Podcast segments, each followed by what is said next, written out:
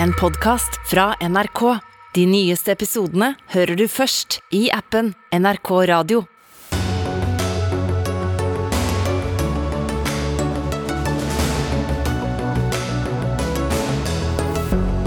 Statlig terrorisme kaller venstreleder Guri Melby de kinesiske fangeleirene.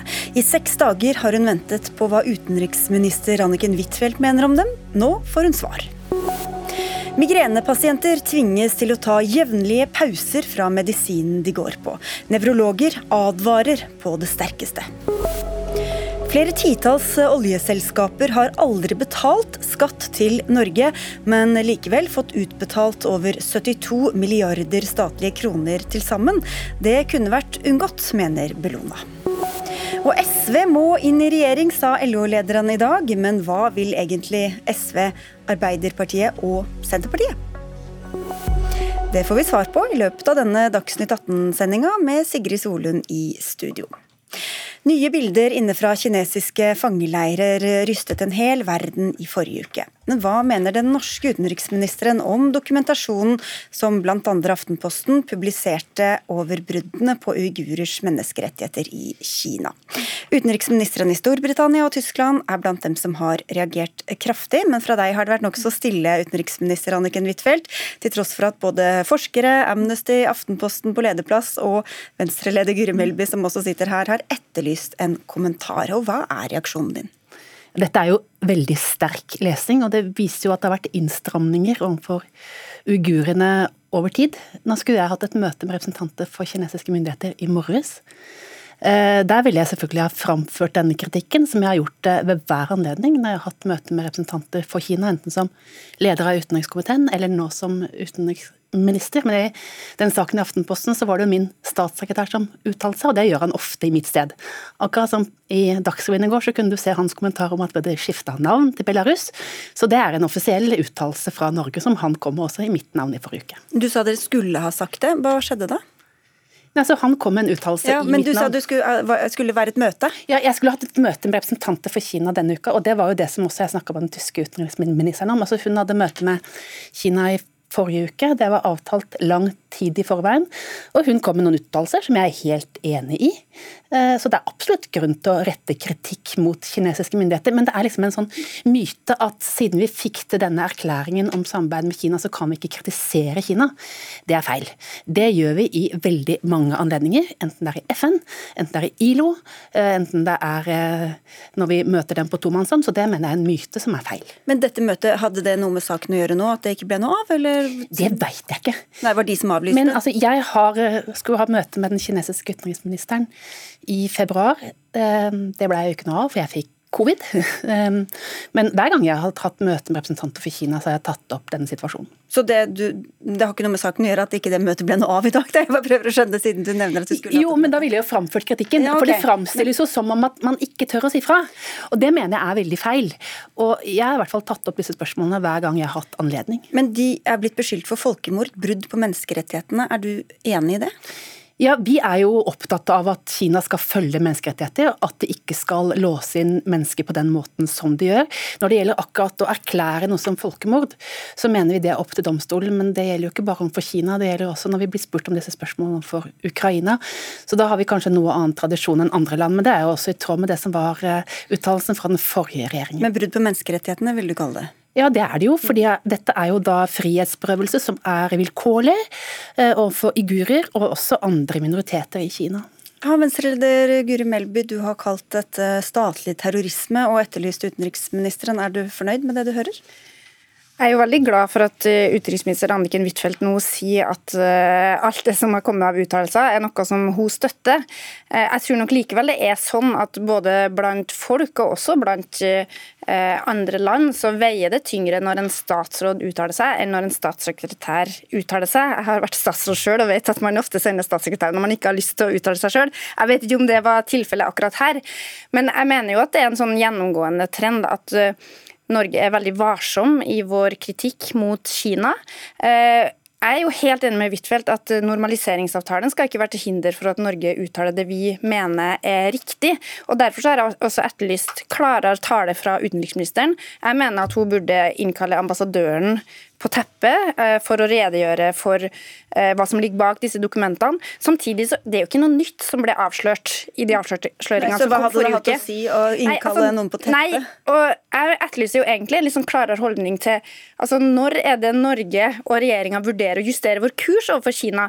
Hvor lenge skal vi f.eks. For fortsette med forhandlinger om en frihandelsavtale med et land der det dokumenteres grove menneskerettighetsbrudd, statlig terrorisme, og som ikke minst ikke tar avstand fra en krig i Europa? Jeg skulle bare si at denne normaliseringsavtalen som dere har nevnt Det er ingen avtale, det er en erklæring. En erklæring fra 2016, men den regulerer jo på en måte hva Norge kan si og ikke? Eller ja, hva gjør den da? Hvordan påvirker den hva Nei, altså, du vil, hvilke ord du bruker? Ja, den påvirker egentlig ikke hvilke ord jeg bruker i det hele tatt. Vi forholder oss til veldig mange regjeringer som går i mer autoritær retning. Og da er det slik at vi tar opp dette i alle mulige sammenhenger. Eh, og så er det jo det som mange land tar opp nå, er jo Kinas forhold til Ukraina. De forholder seg til sanksjonene, de har ikke gått inn militært, men de anerkjenner på en måte den russiske fortellingen.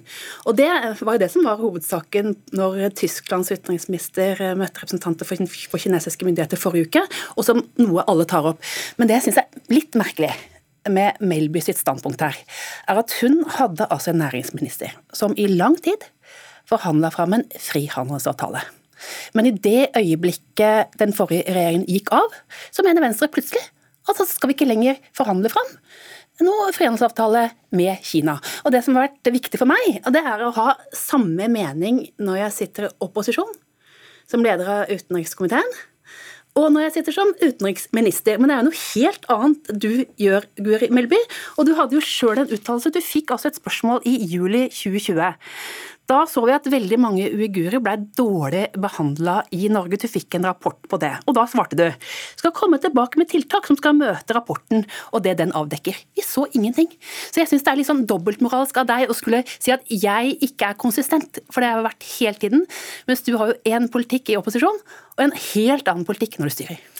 Jeg skal love Anniken Huitfeldt at jeg har ment det samme om Kina, og ikke minst også om forhandlingene om en frihandelsavtale. Det er helt riktig at Venstre var en del av en regjering som jobba med en frihandelsavtale. Det var store diskusjoner internt i Venstre. Du var uenig internt... med din egen regjering? Da? Nei, det var store diskusjoner både i Venstre og i regjering om det var riktig, og vi endte jo heller aldri opp med å inngå en sånn avtale.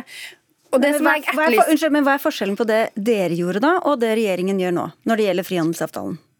Altså jeg mener jo at Situasjonen når det gjelder Kina har forverra seg Du sa akkurat at det ikke var noe nytt. Situasjonen når det gjelder Kina har forverra seg ganske kraftig de siste årene. Fra altså, Høyre-Frp-regjeringa starta forhandlingene om en frihandelsavtale til der vi er i dag det er flere dokumentasjoner på grove ja, Men du sa akkurat også at dette ikke var noe nytt. Og så spør jeg deg, Hva er forskjellen på det dere gjorde, og det denne regjeringen gjør? Nei, men altså, Hvis jeg hadde sittet i regjering nå, så hadde jeg ment akkurat det samme som det jeg gjør nå. At frihandelsavtalen og forhandlingene om den burde legges på is.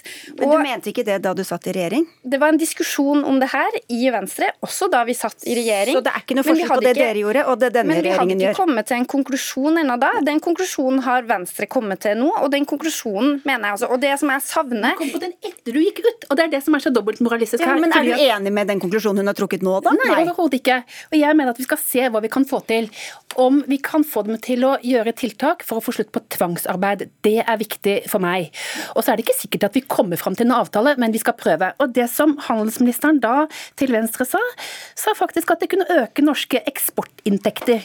Og så var de, dere også mot akademisk boikott. Okay, men det, det, tror jeg det poenget har du fått fram. Men dere vil ikke la noen altså, skal, Er det ingenting som skal, til for, som skal komme fram for at dere skal bryte de forhandlingene om en eh, frihandelsavtale? Vi skal se hva vi kan få gjennom for norske eksportbedrifter. Ja. Men det er jo ikke slik at norsk ytringsfrihet er til salgs for andre formål. slik at vi skal se hva vi kan få gjennom, spesielt når det gjelder tvangsarbeid. For det er et helt sentralt punkt, spesielt for Arbeiderpartiet, og noe som også ILO er opptatt av å følge opp. Men uh, nå innleda statsråden sendinga med å si at hun mener akkurat det samme som det hennes statssekretær uttaler. Og Henrik Tune han uttalte for noen uker siden, da jeg utfordra på det her, at han var ikke interessert i å diskutere å legge frihandelsforhandlingene på is. Det ville bare være dårlig for Norge økonomisk sett. Det som jeg savner i regjeringas eh, argumentasjon for det her, er jo at det er jo ingen vurdering av de sikkerhetspolitiske aspektene.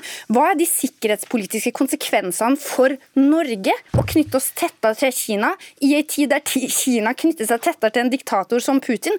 Vi har jo sett nå med krigen i Ukraina hvor farlig det er for både Norge og andre land i Europa å gjøre seg avhengig av f.eks. f.eks. handel med, land, med, et land som styres av en diktator. Det at ikke hans uttalelser i det hele tatt reflekterer det sikkerhetspolitiske, og, kun det økonomiske, det mener jeg er en stor svakhet med regjeringa og Huitfeldts argumentasjon. Og som USA, altså vår næreste allierte, kaller en mye større trussel enn det Russland er.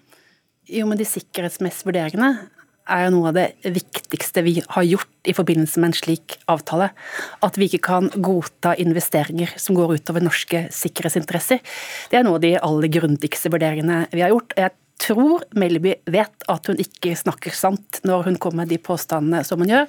om at dette er noe vi ikke setter... Jeg forholder meg til uttalelser fra statssekretæren. Nei, du gjør ikke det. for det er klart at at vi gjør sikkerhetsvurderinger. Vi ønsker f.eks. ikke at Kina skal kunne gjøre store investeringer i norsk infrastruktur som er kritisk. Så sikkerhetsvurderingen er jo helt grunnleggende for å få en slik frihandelsavtale. Okay. Ja, vi må nesten avslutte. Når kan en sånn avtale være klar i så fall? Da, det, er for tidlig å si. Vi skal se hva vi får gjennomslag for. vi får si. Takk skal dere ha, hvert fall begge to, for at dere tok turen til Dagsnytt 18. Utenriksminister Anniken Huitfeldt og Venstre-leder Guri Melby.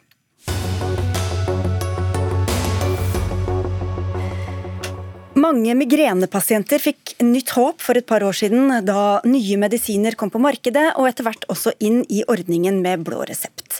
Nå frykter de samme pasientene for hva som kan skje når de tvinges til å ta en pause fra disse medisinene. Medisinen er nemlig dyr, og nå kreves det tre måneder behandlingsstopp etter 18 måneders bruk, som skal vise om pasientene virkelig trenger denne behandlingen.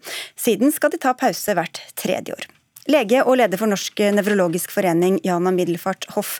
Hvordan blir det å gi denne beskjeden til pasientene?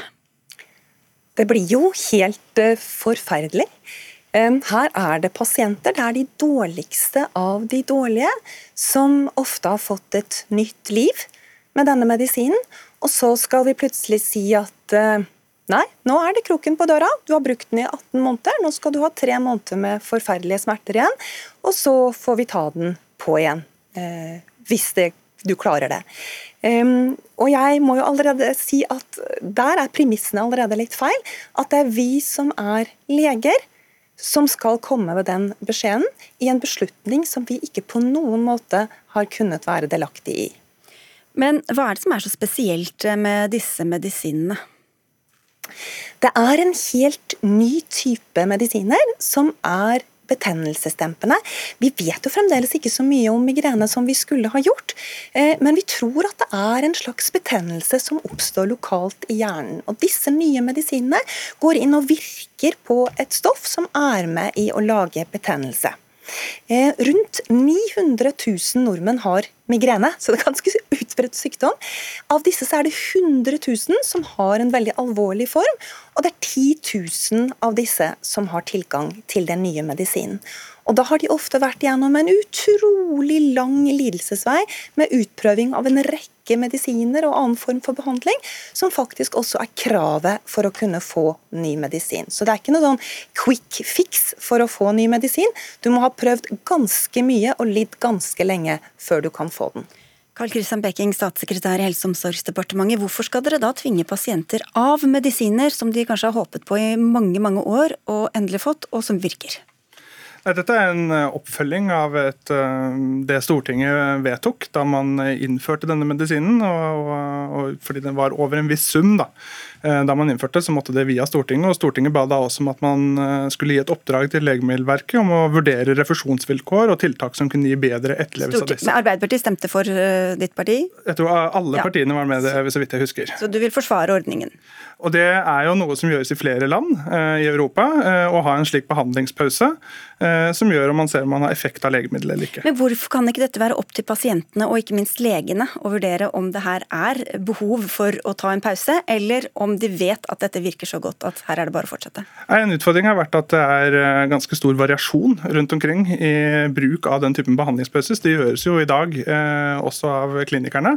Eh, og En av de innspillene Legemiddelverket fikk, var jo at man ønsket ganske tydeligere retningslinjer for hvordan dette skulle gjøres, slik at det ble likt for alle pasienter.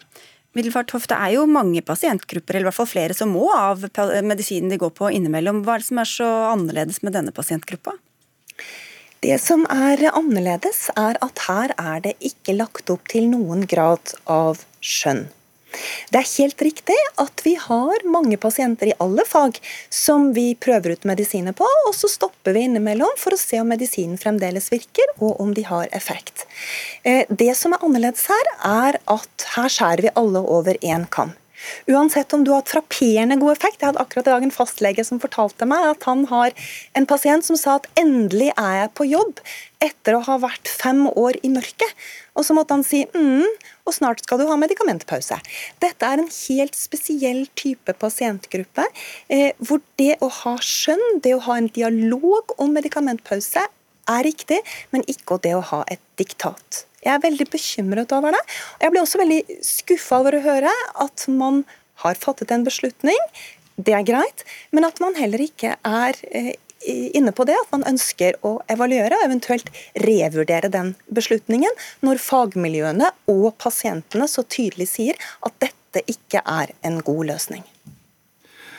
Altså det, det, er et visst rom for faglig skjønn her. Det står at det skal være innen 18 måneder. og Det er jo viktig når man begynner denne behandlingen at man da er tydelig på at det vil komme en behandlingspause, og kanskje diskuterer når er det naturlig å legge den pausen.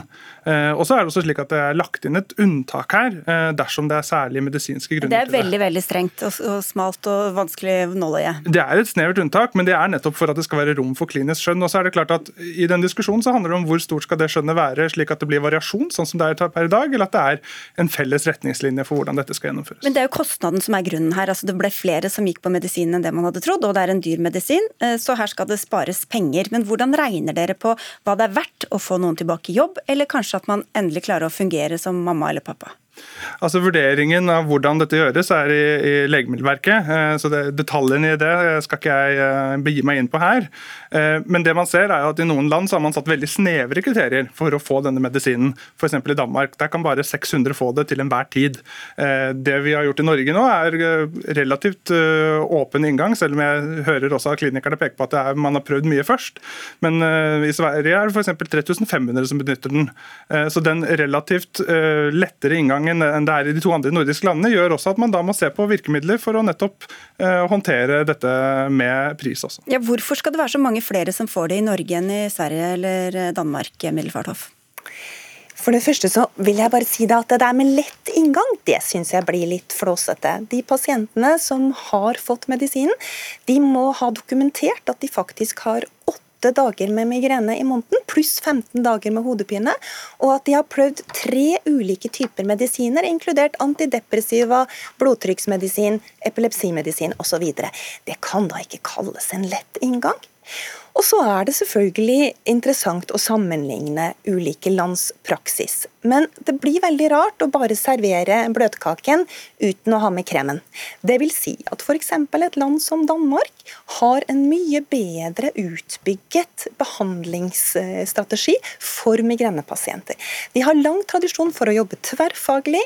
De har klinikker hvor pasienter som overforbruker smertestillende, som jo kan bli et problem her hvis man tar fra dem denne medisinen, kan få komme og få et tilbud. Det vil si at de da tar kanskje migrenen tidligere, før den blir så kronisk og så invalidiserende som den kan bli i Norge. Så Derfor så syns jeg her sammenligner vi epler og pærer eh, når vi sier at det er færre i Danmark og færre i Sverige. Da må vi se på hele behandlingskjeden før vi konkluderer. Peking.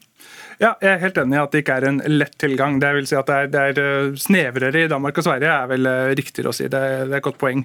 Eh, og så tror jeg du trekker opp noe veldig viktig her når det gjelder det øvrige tilbudet for migrenepasienter. Nå er det et kvinnehelseutvalg som ser på behandlingstilbudet. Migrene er av de sykdommene som rammer kvinner mest.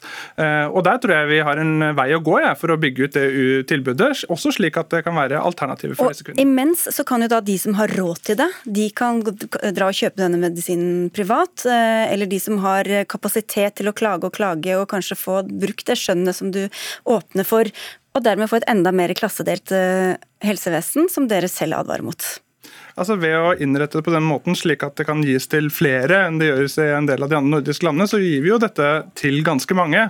Og så er det slik at eh, denne behandlingspausen er en praksis i også flere andre land. Ti sekunder på tampen her, Mildfarthoff. Jeg syns dette her er helt feil strategi. Jeg har lyst til å utfordre politikerne på to ting. For det første så syns jeg at fremfor å skyve problemet ned på pasientene og på legene, så burde de heller ha muskler i forhold til legemiddelindustrien og presse prisen der. Det hadde vært en god løsning. Okay. Og så syns jeg at vi heller skal komme sammen og lage nasjonale faglige retningslinjer med klare anbefalinger som åpner for skjønn, men som også er tydelige på at dette bør gjøres i de tilfellene hvor man er i tvil om behandlingen fungerer, fremfor å komme med diktat. Da er det overlevert statssekretæren. Takk til dere begge for at dere var med i Dagsnytt 18.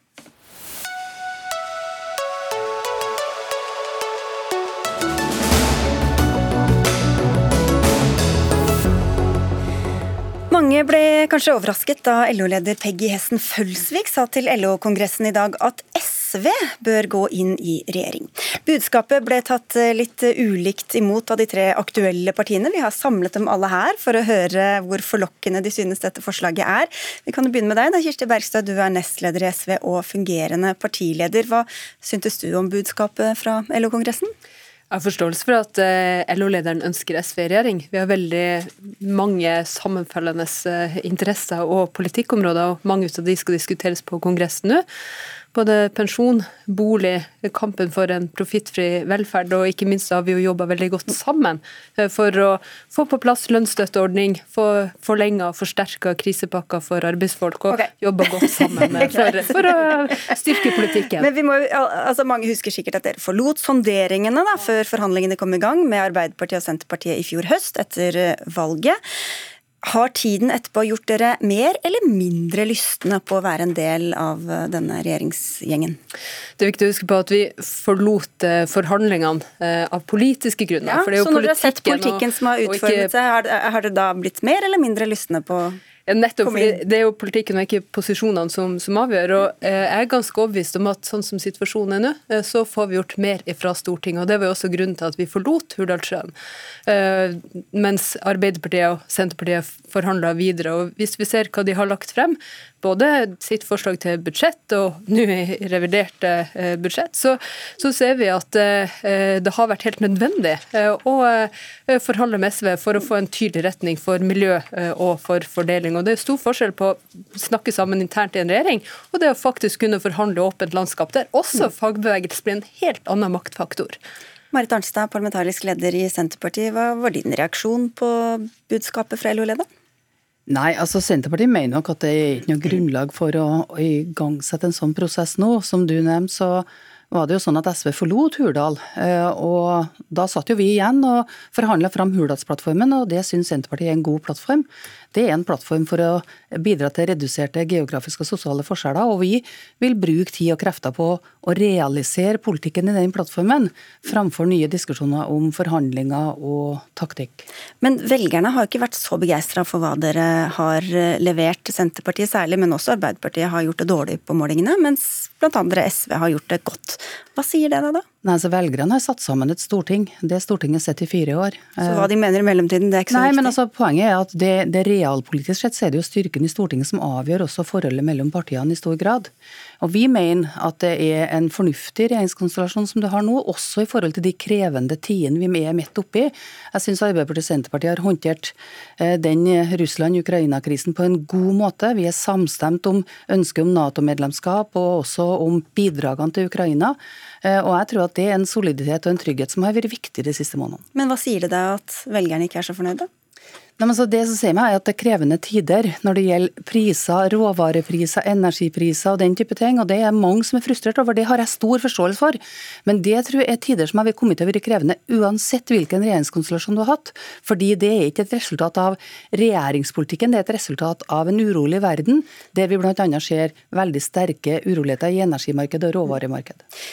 Og så tredjeperson her, da, Kjersti Stenseng, partisekretær i Arbeiderpartiet. Peggy Hessen Følsvik sa at hun var helt sikker på at hun hadde det store flertallet av LOs medlemmer bak seg da hun sa dette. Hvordan tar dere denne oppfordringen til dere? Det at LO-lederen ønsker seg et, eh, flertallsregjering med de tre rød-grønne partiene, Arbeiderpartiet, Senterpartiet SV, er jo ikke så veldig forundra over. Det var jo etter åtte år med ei høyreregjering, så skjønner jeg at LO ønsker seg forutsigbarhet for rød-grønn politikk. Ehm, men forhistoria forhistorie er jo som oss alle sammen kjenner, at eh, SV forlot ehm, forhandlingene Arbeiderpartiet gikk inn i den valgkampen med et klart ønske om å få til ei trepartiregjering, ei flertallsregjering. Det fikk oss ikke til i høst. Nå har vi Hurdalsplattformen som må styre på, som Marit sier, som må levere på de viktigste sakene våre. På arbeid, på velferd, på grønn omstilling, som Kongressen kommer til å diskutere mye denne uka her. Um, og i ei tid som trenger trygghet og ansvarlig styring, så er det jo nettopp det vi skal bruke tida på nå. Og så, når hun forlot Men det må jo vært en grunn til at dere opprinnelig ønska å få med SV, da? Ja. Hva hadde de tilført regjeringa? Nei, oss mente jo det at ei regjering med alle tre partiene uh, hadde blitt ei god regjering. Nå har vi fått ei god regjering med Arbeiderpartiet og Senterpartiet. Ja, men så er jo SV vår foretrukne samarbeidspartner i Stortinget. Vi får til mye bra med, uh, med SV i uh, Stortinget, og oss lukka ingen dør når SV forlot Hurdal, og så har han ikke gjort det nå. Ok, Det var mange talepunkter fra alle hold her. Kirsti Bergstøv, den, hvordan syns du at samarbeidet med regjeringa, som, som vi også hører om her nå, hva har det gjort med iveren etter å komme i regjering? Eller, altså, eller for å spørre på en annen måte, Hvordan syns du samarbeidet har vært? Vi er jo et opposisjonsparti eh, som jobber konstruktivt fra Stortinget for å eh, få ned de økonomiske forskjellene, få ned utslippene, for en sterkere, svarer ikke på det jeg spør om. for fordeling av miljø. Eh, så Det som binder oss sammen til regjeringa, det er jo at vi har klart å bli enige om en budsjettavtale. Eh, og eh, alle kan jo se forskjellen fra Eh, før SV kom inn. Hvordan syns du samarbeidet har vært? Altså, og her er jo poenget mitt at eh, for at den, det budsjettet regjeringa la frem skulle bli grønnere og mer rettferdig, så var det helt nødvendig at SV kom og var med i de forhandlingene for at vi fikk på plass okay. den typen men, ja, men, det, men bare, det... Kan ikke jeg bare få spørre om en ting? Altså, tidligere statsminister Erna Solberg hun, fra Høyre hun var hele tiden klar at, på at hun ønsket en firepartiregjering da hun gikk inn i regjering med Frp og Høyre for lenge siden. Og det gjentok hun gang på gang. Eh, Arbeiderpartiet gikk til valg på et trepartiregjering. Står dere fast ved det, Kjersti Stenseng? Er dette et ønske dere egentlig har? Altså, det var vårt primære ønske når oss, eh, før vi starta forhandlinger. Og så ønsket vi seg flertallsregjering som også oss var enig med veldig mye politikk både med ja. Senterpartiet og SV. Men det ble jo ikke situasjonen. Situasjonen var jo at SV forlot. Så nå spør jeg om, om, det, om dere ja. har det samme målet som det hun altså, Nå har vi landa ei plattform som også er veldig godt fornøyd med, i hop med Senterpartiet, og leverer på den og har tenkt å fortsette med det. Men det betyr jo ikke at SV kan en, ikke kan bli en del av denne regjeringen. er, det, et, er det et mål tidspunkt. for Arbeiderpartiet å få SV inn på et tidspunkt? Altså, det er litt sånn hypotetisk spørsmål nå, for nå er det er ikke et riktig tidspunkt å starte nye regjeringsforhandlinger. Nå er det et riktig tidspunkt å styre landet trygt. Eh, og så kan det være aktuelt senere. Altså, SV er en viktig samarbeidspartner for oss nå i Stortinget. Det kan òg være en framtidig regjeringspartner. Marit Arnstad, hva tenker du? Om hva da? Om muligheten for noen gang å ta SV inn i regjering? Altså, Senterpartiet gikk jo til valg på en Senterparti-Arbeiderparti-basert regjering. og Vi registrerte at SV valgte å forlate Hurdal, og vi er veldig fornøyd med Hurdalsplattformen og ønsker å fortsette å regjere på den og prøve å realisere så mye som mulig av politikken i den som vi mener kommer til å redusere forskjellene da, i det norske samfunnet. Eh, og Vi mener jo også at her vinteren har vist, eller våren har vist to ting da, som jeg syns er veldig viktig. Det ene er jo at når det gjelder sikkerhetspolitikken, så er Arbeiderpartiet og Senterpartiet sammen veldig stødig.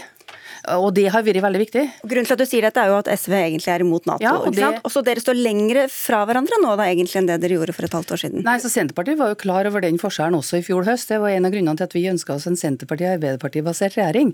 Men den har blitt synliggjort i vår pga. Russland-Ukraina-konflikten. Og da mener jeg at den soliditeten som ligger i samarbeidet mellom Senterpartiet og Arbeiderpartiet på Nato-samarbeidet, også på våpenleveranser til Ukraina, har vært veldig viktig i de månedene vi legger bak oss. Jeg syns det er spesielt å snakke om ei urolig tid rett etter at dere har lagt frem et forslag til et revidert budsjett som faktisk bygger ned FN, eh, og som eh, kutter voldsomt i eh, bistand. Når vi vet at sultkatastrofe truer, når krig herjer, og når matpriser og råvarepriser skyter i været. Da er det veldig spesielt å, å, å svikte det store fellesskapet.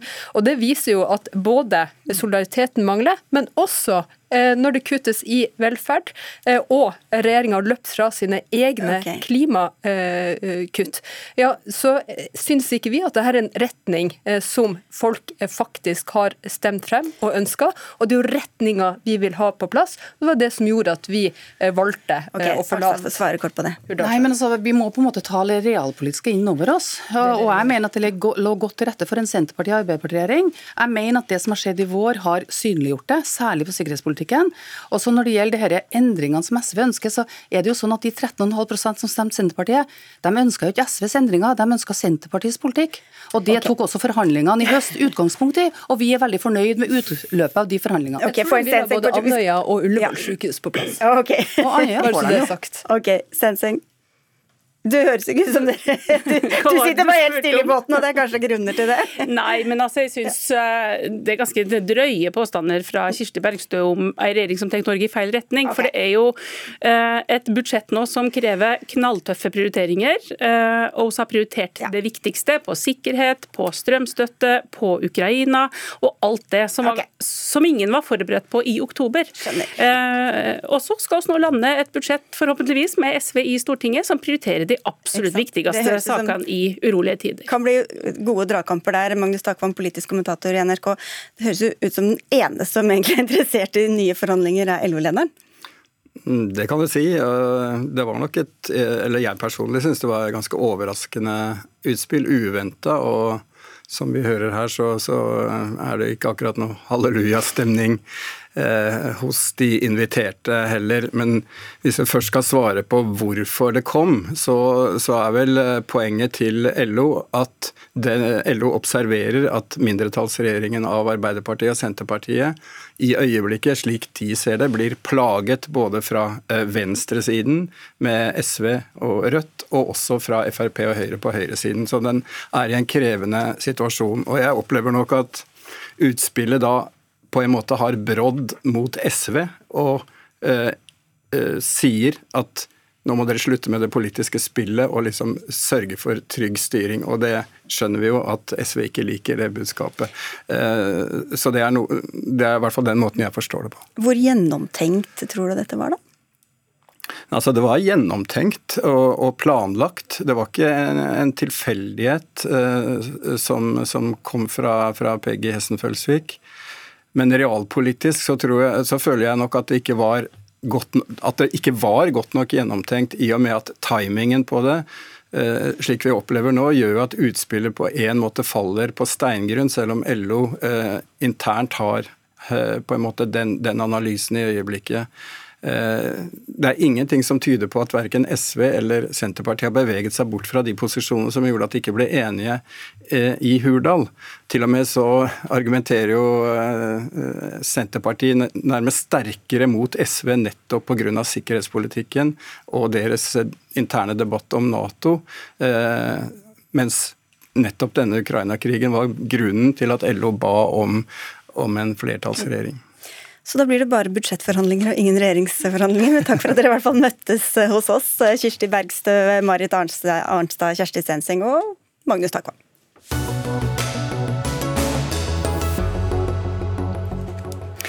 Sjøfolk skal få norsk lønn i norske farvann, uansett hvilket land de er fra eller hvilket flagg de seiler under. Det er essensen i et lovforslag som kommer fra regjeringen i dag. og det medfører et krav om norske lønns- og arbeidsvilkår på skip som seiler mellom norske havner.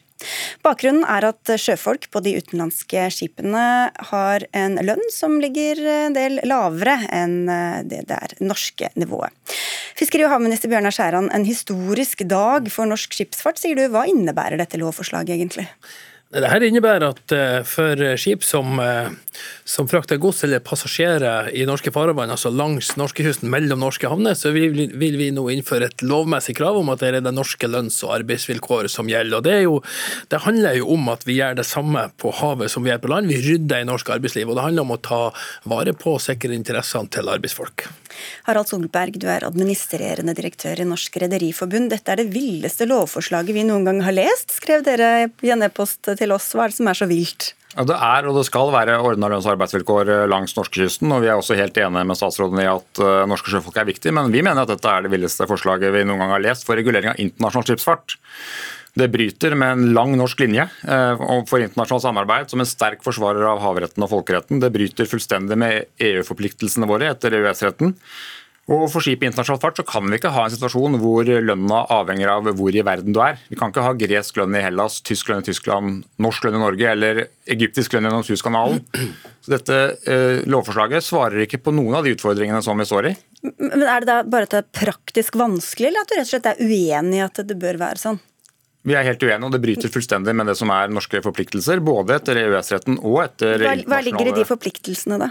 Sikre tilgang eh, for eh, skip i, norske farvann. og Det er akkurat den tilgangen vi jobber for å sikre også norske skip når de seiler ute. Så Denne type forslag er jo nøyaktig den type forslag Norge tradisjonelt sett har motarbeida når de fremmes internasjonalt. Dette er ren proteksjonisme. Vi er helt enig i at man skal ha norsk lønn for skip som er vedvarende norske farvann. Det er ikke diskusjonen. Der er vi helt enig med statsråden. Men det han gjør med dette forslaget her, det er å foreslå at det også skal gjelde norsk lønn for skip i internasjonal fart. og det er et klart brudd med norsk skipsfartspolitikk.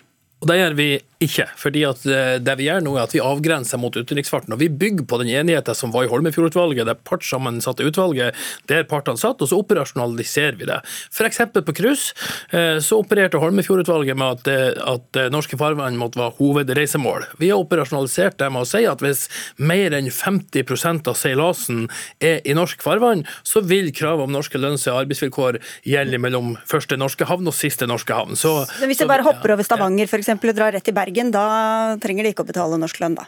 Hvis mer enn halve seilasen er i norske farvann, det er sånn vi har operasjonalisert dem over hovedreisemålet, så vil dette kravet gjelde mens de er i norske farvann. Vi regulerer ikke internasjonal skipsfart, og, og min vurdering er at sånn som vi har utformet lovforslaget, så er vi innenfor folkeretten, vi er innenfor havretten, og vi er også i tråd med våre forpliktelser etter EØS-avtalen. For, eh, for, varefrakten i Europa så vil dette klart være en innstrammende forslag. Og, det, eh, og Hvis man hadde åpnet for den samme åpningen som Skjæran åpner for cruisefarten, også for varefrakt, så ville forslaget vært mye mer spiselig. altså at 50% av seilingstiden mellom norske havner i en internasjonal reise. Det ville vært helt uh, akseptabelt, men, men, det er ikke det som ligger i forslaget. Forslaget er at det skal gjelde norsk lønn hvis man tar last mellom norske havner uh, fra første seilas. og Det vil bryte fullstendig med det seilingsmønsteret som er i dag. og Det vil i verste fall føre til at man flytter godset fra sjøveien til landeveien. og Det står også i lovforslaget at det kan være en effekt at kostnadene øker, og at godset heller tar landeveien enn sjøveien. Men de kan jo komme, Du snakker om tilgang, men de får jo tilgang så lenge de bare betaler bra?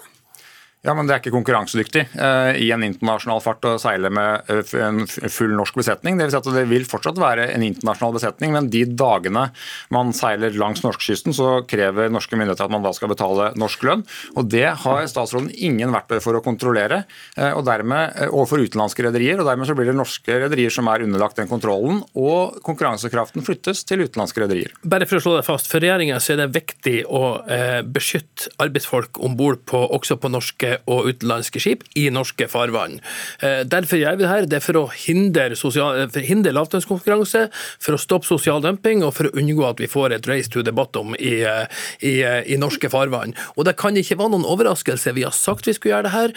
Eh, nå eh, gjennomfører vi det. Og det, og det er sånn at det vil alltid være sånn at ei en regjering av Arbeiderpartiet og Senterpartiet vi vil velge arbeidsfolk sitt parti. Det er ingen overraskelse for, for folk i Norge.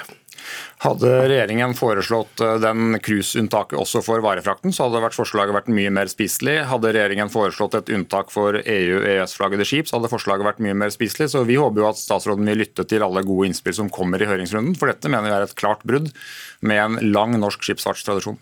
Men at det er vanskelig å gjennomføre, og at det kanskje vil virke mot sin hensikt, da, Skjæran? Hvordan har dere vurdert det? Nei, det vil ikke virke mot sin hensikt, og selvsagt skal det her kontrolleres.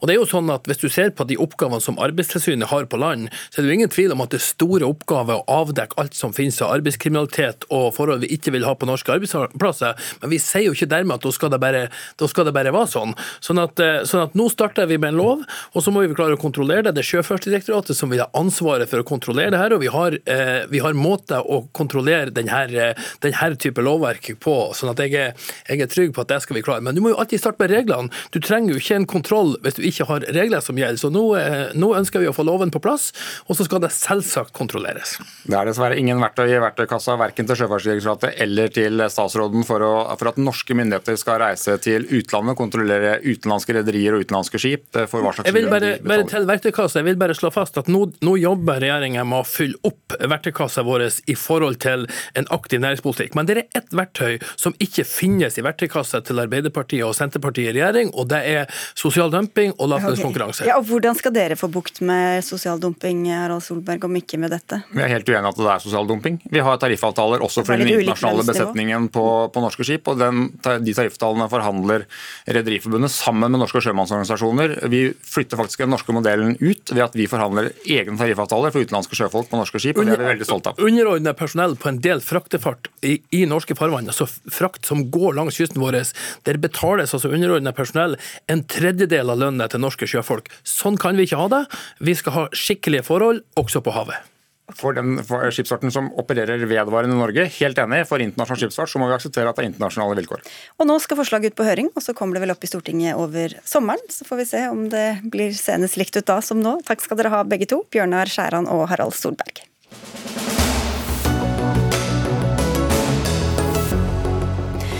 For mange er jo studentboligen det første stedet de flytter til og bor i for seg selv. Hva da hvis noen uanmeldt tar seg inn i boligen mens den som bor der er uh, alene? Den siste tiden har Universitas skrevet om flere tilfeller der ansatte dukker opp uanmeldt i boliger eid av SIO, som er institusjonen som organiserer velferdstilbud for studenter i Oslo og Akershus. Og siden du flyttet inn i din studentleilighet i februar, har du fått tre besøk av vaktmester som du sier kom helt uanmeldt, Agathe Våge. Du er her som student. For ordens skyld så nevner vi også at du er andre nestleder i Sosialistisk Ungdom. Hvordan opplevde du disse besøkene? Eh, den første gangen så ble jeg jo veldig sjokkert, for da hadde jeg nettopp stått opp, og så var jeg på toalettet, og så plutselig så bare hørte jeg at eh, det var noen som bare gikk inn der jeg bodde, og jeg ble litt sånn Hæ, er det noen her inne? Og så da jeg gikk ut, så så jeg at det sto en fremmed mann inne på rommet mitt. Og jeg hadde jo heldigvis på meg liksom morgenkåpe og sånn, så Men jeg ble jo veldig sjokkert da, av at det bare var noen hjemme hos meg som jeg ikke hadde invitert. Så jeg ble jo eh, litt, eh, litt skremt, egentlig, og sjokkert og veldig sånn forvirret og sånn. Og så sa jeg liksom, Kan du gå ut av rommet mitt? Eh, hvorfor er du her? Og så var jo det en vaktmester der som skulle fikse noe som var ødelagt. Så sånn, det er jo veldig fint at eh, SIO eh, er behjelpelige med å reparere ting når det er ødelagt, men man kan jo ikke bare gå rett inn hos noen uten tillatelse. Men det kom som følge av at du hadde klaga på noen ting da, som han skulle reparere? Ja, jeg hadde sendt en melding til SIO om at det var noe som eh, var ødelagt da jeg eh, hadde flyttet inn i boligen og lurte på om de kunne fikse det. Og det er jo veldig fint at eh, de vil gjøre det, men det betyr jo ikke at man bare kan gå inn til noen sånn uten videre. Mm. Og det er andre som har opplevd tilsvarende historier? Ja, eh, og det skjedde jo igjen en gang samme uke. Og så sendte jeg en klage til SIO, og så sa de at det var jo kjipt at jeg hadde opplevd det, og at de skulle følge det opp. Men så, noen uker senere, så kom jeg hjem, og så så jeg at noen bare hadde vært inne på rommet mitt mm. uten at jeg hadde fått beskjed om det. Så da snakket jeg med Universitas, og de lagde en uh, sak. De har jo hatt flere saker om det her. Og i etterkant av det så har det vært veldig mange venner av meg og andre folk som har tatt kontakt og sagt at ja, men det her er jo helt vanlig. Det er kjempemange studenter som opplever det. Og det er jo det jeg håper å forandre, da. Ikke sant? For dette er jo ikke noe de fleste av oss andre som ikke bor i studentboliger opplever. Men Gunn Kirsti Løkka, du er boligdirektør i Studentsamskipnaden SIO. Um, og du har jo gjennom Universitas beklaget til Våge og til en annen student også som opplevde det samme fire ganger. Men hva er det dere beklager? Du, vi beklager selvfølgelig det som eh, Agatha har opplevd, fordi slik skal det ikke være. Vi eh, ønsker jo at studentboligene våre skal være et trygt hjem, eh, og oppleves som et hjem også. Eh, så vi tar det her veldig alvorlig. Eh, og vil også si en takk for at du, dere setter det på dagsorden, eh, slik at vi kan bli bedre på det. Er det bra nok, Våge? Altså, Jeg setter jo pris på at du sier det, og tror jo at du oppriktig mener det. Men samtidig så, så, tror jeg liksom ikke på det før jeg ser det, da. For det har vært så utrolig mange fortellinger med studenter som har opplevd nettopp det her. Jeg sendte en klage, og fortsatt så ble det ikke gjort nok. Så Eh, så jeg håper jo at eh, det kan eh, bli en forandring, men ja. ja Universitetet har også skrevet om tilfeller hvor en student har ligget naken i senga, og så er det kommet en voksen mann inn på rommet for å fikse et eller annet. Dere sier dere har fått 10-15 sånne klager så langt i år. Hva er det dere har gjort? Ja, Vi har jobba mye de siste månedene for å forbedre rutinene. og jeg må bare si at Det er jo husleieloven som eh, ligger til grunn, og alle, alt skal varsles av innlåsinger. Så vi er helt enige om det. Så vi har jobba mye i det siste med rutinene og se at rutinene etterleves. Ehm, vi har f.eks. Eh, etablert et nytt system på nettsiden på min side eh, når man melder inn en sak til vaktmester, at man selv velger om vaktmester skal komme med en gang, så fort som mulig, for mange setter pris på det. Eller om man vil vite nøyaktig da når vaktmester kommer, frem i tid i et tidsintervall. Eh, vi har også gått gjennom alle rutiner. Altså det her er Vi har jo 10 000 studenter som bor hos oss. Eh, mange vaktmestere som er ute i boligene og reparerer. Så det er ikke én og samme mann som går inn og låser seg inn overalt? Har, eh, det er jo mange, ikke sant? Vi har 10 000 studenter som, som bor hos oss, så det er viktig å si. Og, så det at alle da følger de innlåsingsrutinene vi har, at de banker på, lytter etter, det er eh, veldig vesentlig. I tillegg så har vi også forlenget varslingsfristen, sånn at eh, man skal få lengre tid da, på varsling. Like fullt så oppfordrer du til å gå til massesøksmål, Agathe Våge. Hva skal det være godt for? Altså Det var jo sagt mer som at det virker jo nesten som om at man må gå til massesøksmål. Fordi eh, min opplevelse var jo da at eh, man ikke ble hørt, og at ingenting ble gjort. Eh, men etter disse her eh, universitetssakene så virker det jo som at man eh, har fått litt fortgang på det her, da. Så jeg håper jo virkelig at eh, det blir gjort noe med. Det virker jo som at dere har endret rutinene. Og hvis det stemmer, så er det helt topp. Det er jo alt jeg ber om. Så, men hvis det skjer igjen, da vet man at man ikke har gjort nok. Ok, Men du har, du har troa nå på at det blir endringer? Jeg har et håp, men jeg tror det ikke før jeg ser det. Jeg har lyst til å si at Vi tar det veldig alvorlig, og vi setter også veldig pris på de tilbakemeldingene. Fordi vi ønsker å være et godt sted å bo. Eh, og det får vi når vi Eller det eh, er lettere når vi får tydelige og gode tilbakemeldinger. Ok, Da sier vi takk til dere begge for at dere var med i Dagsnytt 18. Gunn Kirsti Løkka, som er boligdirektør i SIO bolig, og student Agathe Våge.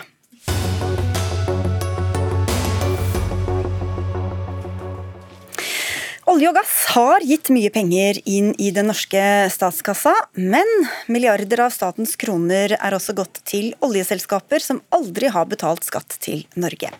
NRK har avdekket at mellom 2005 og 2019 har 72 milliarder statlige kroner gått til 64 oljeselskaper som ikke har betalt en krone skatt til Norge. Milliardene har ikke bare gått til oljeleting, men også til firmabiler, boliglån, oppussing av kontorer, bonuser og millionlønninger. Og dette har eh, kunnet skje pga. leterefusjonsordningen, der staten refunderer 78% av kostnadene ved å lete etter olje og gass, med mindre selskapet går i pluss. Kristian Eriksen, du er fagsjef i miljøstiftelsen Bellona, og dere mener at dette er helt eh, urimelige utbetalinger. men så lenge systemet totalt sett har gitt en masse penger inn, hva er da problemet med at noen bare har fått ut? Altså det, det de tallene som NRK presenterer viser veldig tydelig, er at eh, dette er et skattesystem som er ekstremt gunstig for oljeselskapene. Eh, som du sier, altså hvis, de, hvis, de, går med underskudd, så kan de bli, eh, bli refundert for alle mulige kostnader som ikke har med leting å gjøre. Eh, og, og, Saken viser jo at vi skattebetalere da, sitter uh, igjen med en regning på, på 72 eh, milliarder kroner. Uh, og Det er en pengebruk som ikke, som ikke, hører hjemme noe sted, og som jo er grunnen til at vi i Bellona gikk i, imot den ordninga da den ble lansert. Og så til, til, til det her med, med, de 2500 milliardene som det blir stilt opp imot. Det, det kan vi ikke sette opp mot hverandre likt for likt.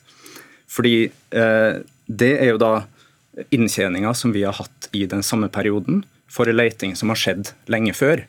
Den letinga som vi har brukt 72 milliarder på å finansiere, den vet vi ikke hvor mye vi kommer til å tjene på. Og Det er som vanlig et eh, veddemål på høy oljepris fra, eh, fra den norske stat. Men dette skulle jo gjøre at eh, flere operatører kom inn på norsk sokkel, og flere mindre selskaper også kunne operere. Hvorfor er ikke det hensiktsmessig, da? Altså, vi har vært klare på at vi ønsker mindre selskaper inn på norsk sokkel. Eh, mye pga. at eh, de vil ikke ha en økonomisk ryggrad til å, å tåle eh, kostnader forbundet med en stor ulykke, f.eks. Der ønsker vi solide selskaper som skal være til stede på, på norsk sokkel og, og, drive det. Så det denne saken her handler om for oss, er uh, uvettig pengebruk med uklar effekt. Hadde vi tjent mer eller mindre på, på ikke å ha leterefusjonsordninga? Det vet vi jo ikke. Amund Vik, statssekretær i Olje- og energidepartementet. 72 milliarder rett ut til disse selskapene uten å få noe tilbake. Hvor god pengebruk vil du si det er? Jeg vil jo si egentlig at Leterefusjonsordningen er jo, eh, har jo vært veldig god butikk for Norge. Eh, det har vært effektivt å få nye selskaper inn som, som leteselskaper. Man kommet inn med nye letemodeller, innovative måter å se på dataen på. Bl.a. Johan Sverdrup-feltet ble jo funnet av Lundin, eh, og de mottok jo denne leterefusjonsordningen da de jobba med det, som har gitt store eh, ressurser til, til fellesskapet, mange arbeidsplasser og utvikling rundt omkring. Så jeg mener jo at det er jo vesentlig å se på når vi, Det er 72 milliarder ut til disse selskapene, eh, og så har det da 2500 milliarder inn. og Den balansen i regnskapet mener jeg viser at dette er en ordning som vi som nasjon har tjent mye på, og som har skapt arbeidsplasser og utvikling over hele landet. Så det er bare en pølse i slakteriet?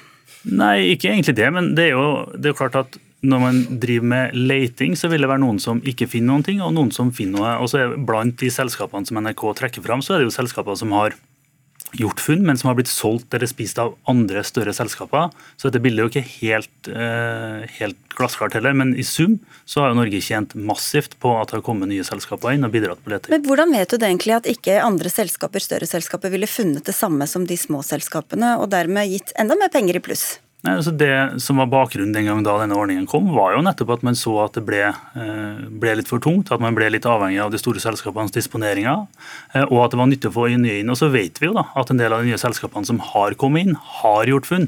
Og noen veldig store, sånn som Johan Sverdrup, som da det ble funnet var det største i verden. Det fant jo Lundin i et område hvor Statoil, nå Equinor, hadde lett i mange mange år uten å finne noen ting. Ja, men, men, vi er altså nødt til å skille på hva de kostnadene her refererer til. Fordi vi har ikke tjent 2500 milliarder på eh, felt som vi har funnet i den perioden vi har brukt 72. Så det, det, det, henger, ikke, det henger, ikke, sammen. Så, så, det vi er nødt til å tenke på, er at her har vi brukt 72 milliarder på, eh, på å finansiere overkapasitet på ulønnsomme selskaper i stor grad. Eh, som, eh, som, vi kunne ha klart oss uten. på norsk Det du vil gjøre, er å gjøre de større og mekt, store og mektige enda større og enda mektigere, da, i stedet for? Nei, det, det som har vært et av våre poeng fra Bellonas side, er at vi kan ikke operere på, på norsk sokkel med en hel masse små selskaper, så en massiv vekst eh, i de. Det er selskaper som vi mener ikke vil drifte på en miljømessig forsvarlig måte. og Det er vi også nødt til å, til å ha med i bakhodet. her. Lars Haltbrekken, du er energi- og miljøpolitisk statsperson for SV. Hvor godt mener du at Norge har tjent på denne ordninga? Det kan eh, godt hende at det var noen argumenter for å innføre denne ordninga. Sier du siden dere stemte for? ja, vi har funnet at SV stemte imot, nei, for den i høsten 2004, men tida har definitivt sprunget ifra uh, denne ordninga. Det er helt meningsløst å drive og subsidiere uh, oljeselskapene på denne måten. og Derfor så får vi heldigvis nå en omlegging også av uh, det systemet. Et hovedproblem med den leterefusjonsordninga er at du fikk sannsynligvis satt i gang en del leiting som du ellers aldri ville ha fått uh, satt i gang. Forlenga norsk olje- og gassproduksjon. Uh, og også uh, betalt ut masse penger til selskap som aldri har ytt noen ting til det norske fellesskapet. Men pleier ikke SV å være ganske opptatt av små selskaper som driver med innovasjon, da? Bare ikke på Jo, og Det kan godt være at det var et argument i 2004-2005 for å få mer konkurranse på norsk sokkel, men nå vil vi jo dele ut flere tillatelser verken til små eller store selskap. Vi er nødt til å stanse letinga etter ny olje og gass, og vi kan ikke dele ut flere produksjonstillatelser. Eh, og så sa jeg jo det at nå får vi avvikla leterefusjonsordninga. Nå får vi et mer nøytralt petroleumsskattesystem. Problemet er bare at det kommer til å ta en god del år før det nye systemet begynner å virke. Og hvorfor det? Jo, pga. de enorme subsidiene som stortingsflertallet eh, vedtok eh, i juni 2020 gjennom oljeskattepakken. Vi kan komme tilbake til men For å liksom dvele litt lenger ved denne historien, Eriksen. Du sa til Nyhetsmorgen i dag NRK at milliardregninga kunne vært unngått. Men hvordan vet du det egentlig? Ja, det er, jo, det er, jo, nettopp fordi at det er så mange små selskap som har kommet inn, brukt masse penger. Eh, og det kan jo være da driftsrelatert og helt eh, altså, Som ikke har noe med leteaktiviteten å, å, gjøre. Eh, og som da har blitt refundert for det. Mm. Og det er jo en, en måte å drive på som, som, vi har ment fra starten av i Bellona, at, at ikke er hensiktsmessig på, på, norsk sokkel. For det har jo vist seg at en del av pengene har gått til firmabiler, boliglån, oppussing av kontor, bonuser, millionlønninger, Amundvik. Privatpersoner kan jo bare se langt etter sånne ordninger. Hvorfor eh, er det rettferdig bruk av fellesskapets penger med 72 milliarder til dette? Nei, for det, første, så, for det første så trenger man jo både kontorer og ansatte for å også drive med, med leting. og det, jo, det, som har vært Ordningen har jo vært at man likestiller selskaper som er i skatteposisjon, altså som tjener penger, og de som ikke er det, som, som bruker mer penger. Og så tror jeg vi må si i måte, ærlighetens navn da, at leteordningene i Norge, TFO-ordningen, leterefusjonsordningen og med tilhørende reguleringer har jo vært relativt god butikk, også i den, i den siste tida. Men kunne det kanskje vært enda bedre butikk? Ja, evig, eh, Det er jo ikke jeg helt sikker på. Altså, Johan Sverdrup for å vende tilbake til det, var verdens største oljefelt da det ble funnet. Eh, ble funnet av Lundin som fikk den ordningen. og En del av de selskapene som er på NRKs liste, er jo kjøpt opp eller gått inn i andre av de større selskapene. Og så er det jo ikke rart egentlig at SV og partier som ikke vil drive med leting etter olje og gass, syns at dette er dårlig bruk av penger. Men i stort så er det jo sånn at når man finansierer leting, så må man akseptere at noen ikke finner noe, så lenge jeg mener kaka er så stor som den helt definitivt er eh, når det gjelder leting på norsk sokkel. Og Da bør de jo ta kostnadene og risikoen ved det sjøl. Sånn som petroleumsskattesystemet har vært utforma, så har jo staten tatt en stor del eh, av risikoen. Og Faren er jo da at man setter i gang utbyggingsprosjekt som kan være lønnsomt for enkelte oljeselskap, men ulønnsom for eh, det norske fellesskapet. Og det forsterkes nå ganske kraftig gjennom den oljeskattepakken som ble vedtatt i 2020. Jeg vil si at den er egentlig en enda større skandale enn leterefusjonsordningen. Ok, og Den første skandalen var jo da SV med på, og du sa at det kanskje var en god idé. Når, når sluttet det å være en god idé, da? Det slutta å være en god idé for ganske lenge siden, og SV har gjennom ganske mange år nå foreslått å avvikle den eh, leterefusjonsordninga. Og oljeskattepakken har vi også foreslått at man nå skal avvikle, for at den fører til milliardtap for den norske stat stat, milliardtap som i løpet av ett og et halvt år har vist seg å bli ganske mye større enn det man forutså sommeren 2020. Nei, igjen så tror jeg jo at det at SV ikke vil lete etter olje og gass, er helt fair. Sant? Men man må bare se på for de Men disse øvrige. tapene som Haltbrekken snakker ja, om, da? Tap, altså, det er jo snakk om næringer, utbygginger som gir voldsomt store overskudd arbeidsplasser og skatteinntekter til Norge. Altså det er klart, Noen av disse ordningene, sånn som de 72 milliardene, kunne det vært unngått. Kanskje, men intensjonen var Hvordan vet du at ikke vi ikke går på en ny sånn type smell nå med den skattepakkeordninga? Nei, altså Nå kommer det jo felt fram som, som har en gjennomsnittlig nedbetalingstid på, på to-tre år. ikke sant? Så det er jo relativt lønnsomme greier. Men jeg tror bare for å si det til slutt, da, sånn at det som er et mål for Norge, er jo også ikke være helt avhengig av de store selskapenes disponeringer, men også få inn nye som kan utfordre det systemet. Kristian Eriksen. Altså det, det, er jo symptomatisk når vi snakker om, om norsk oljenæring, at uh, titalls milliarder er omtale delvis som da pølseslaktetida. Altså, det var riktignok mine ord, da. Det, Nei, men, altså, men det, det, er liksom, det er ingen tak for noe som helst eh, av tap. Uh, om det er 200 milliarder i USA, eller om det er flere plattformer som går hver, går titalls milliarder Eh, over budsjett, eh, eller 72 milliarder til oljebygger på, på, norsk sokkel. De summene her som vi, som, vi, som vi, snakker om, de betales jo hver eneste krone av olje og gass som vi har produsert på norsk sokkel med tilhørende CO2-utslipp.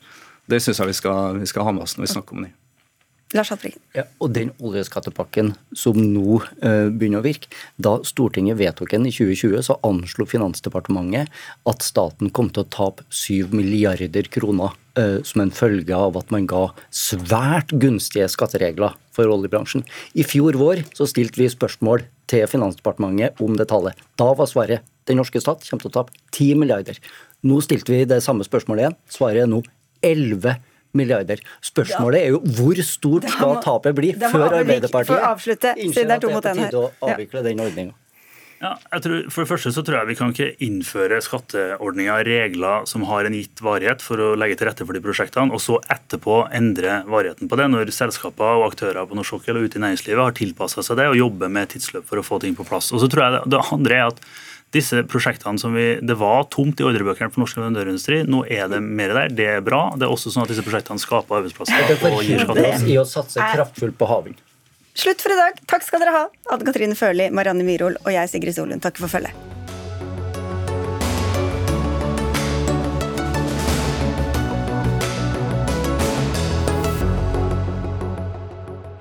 En podkast fra NRK. De nyeste episodene hører du først i appen NRK Radio.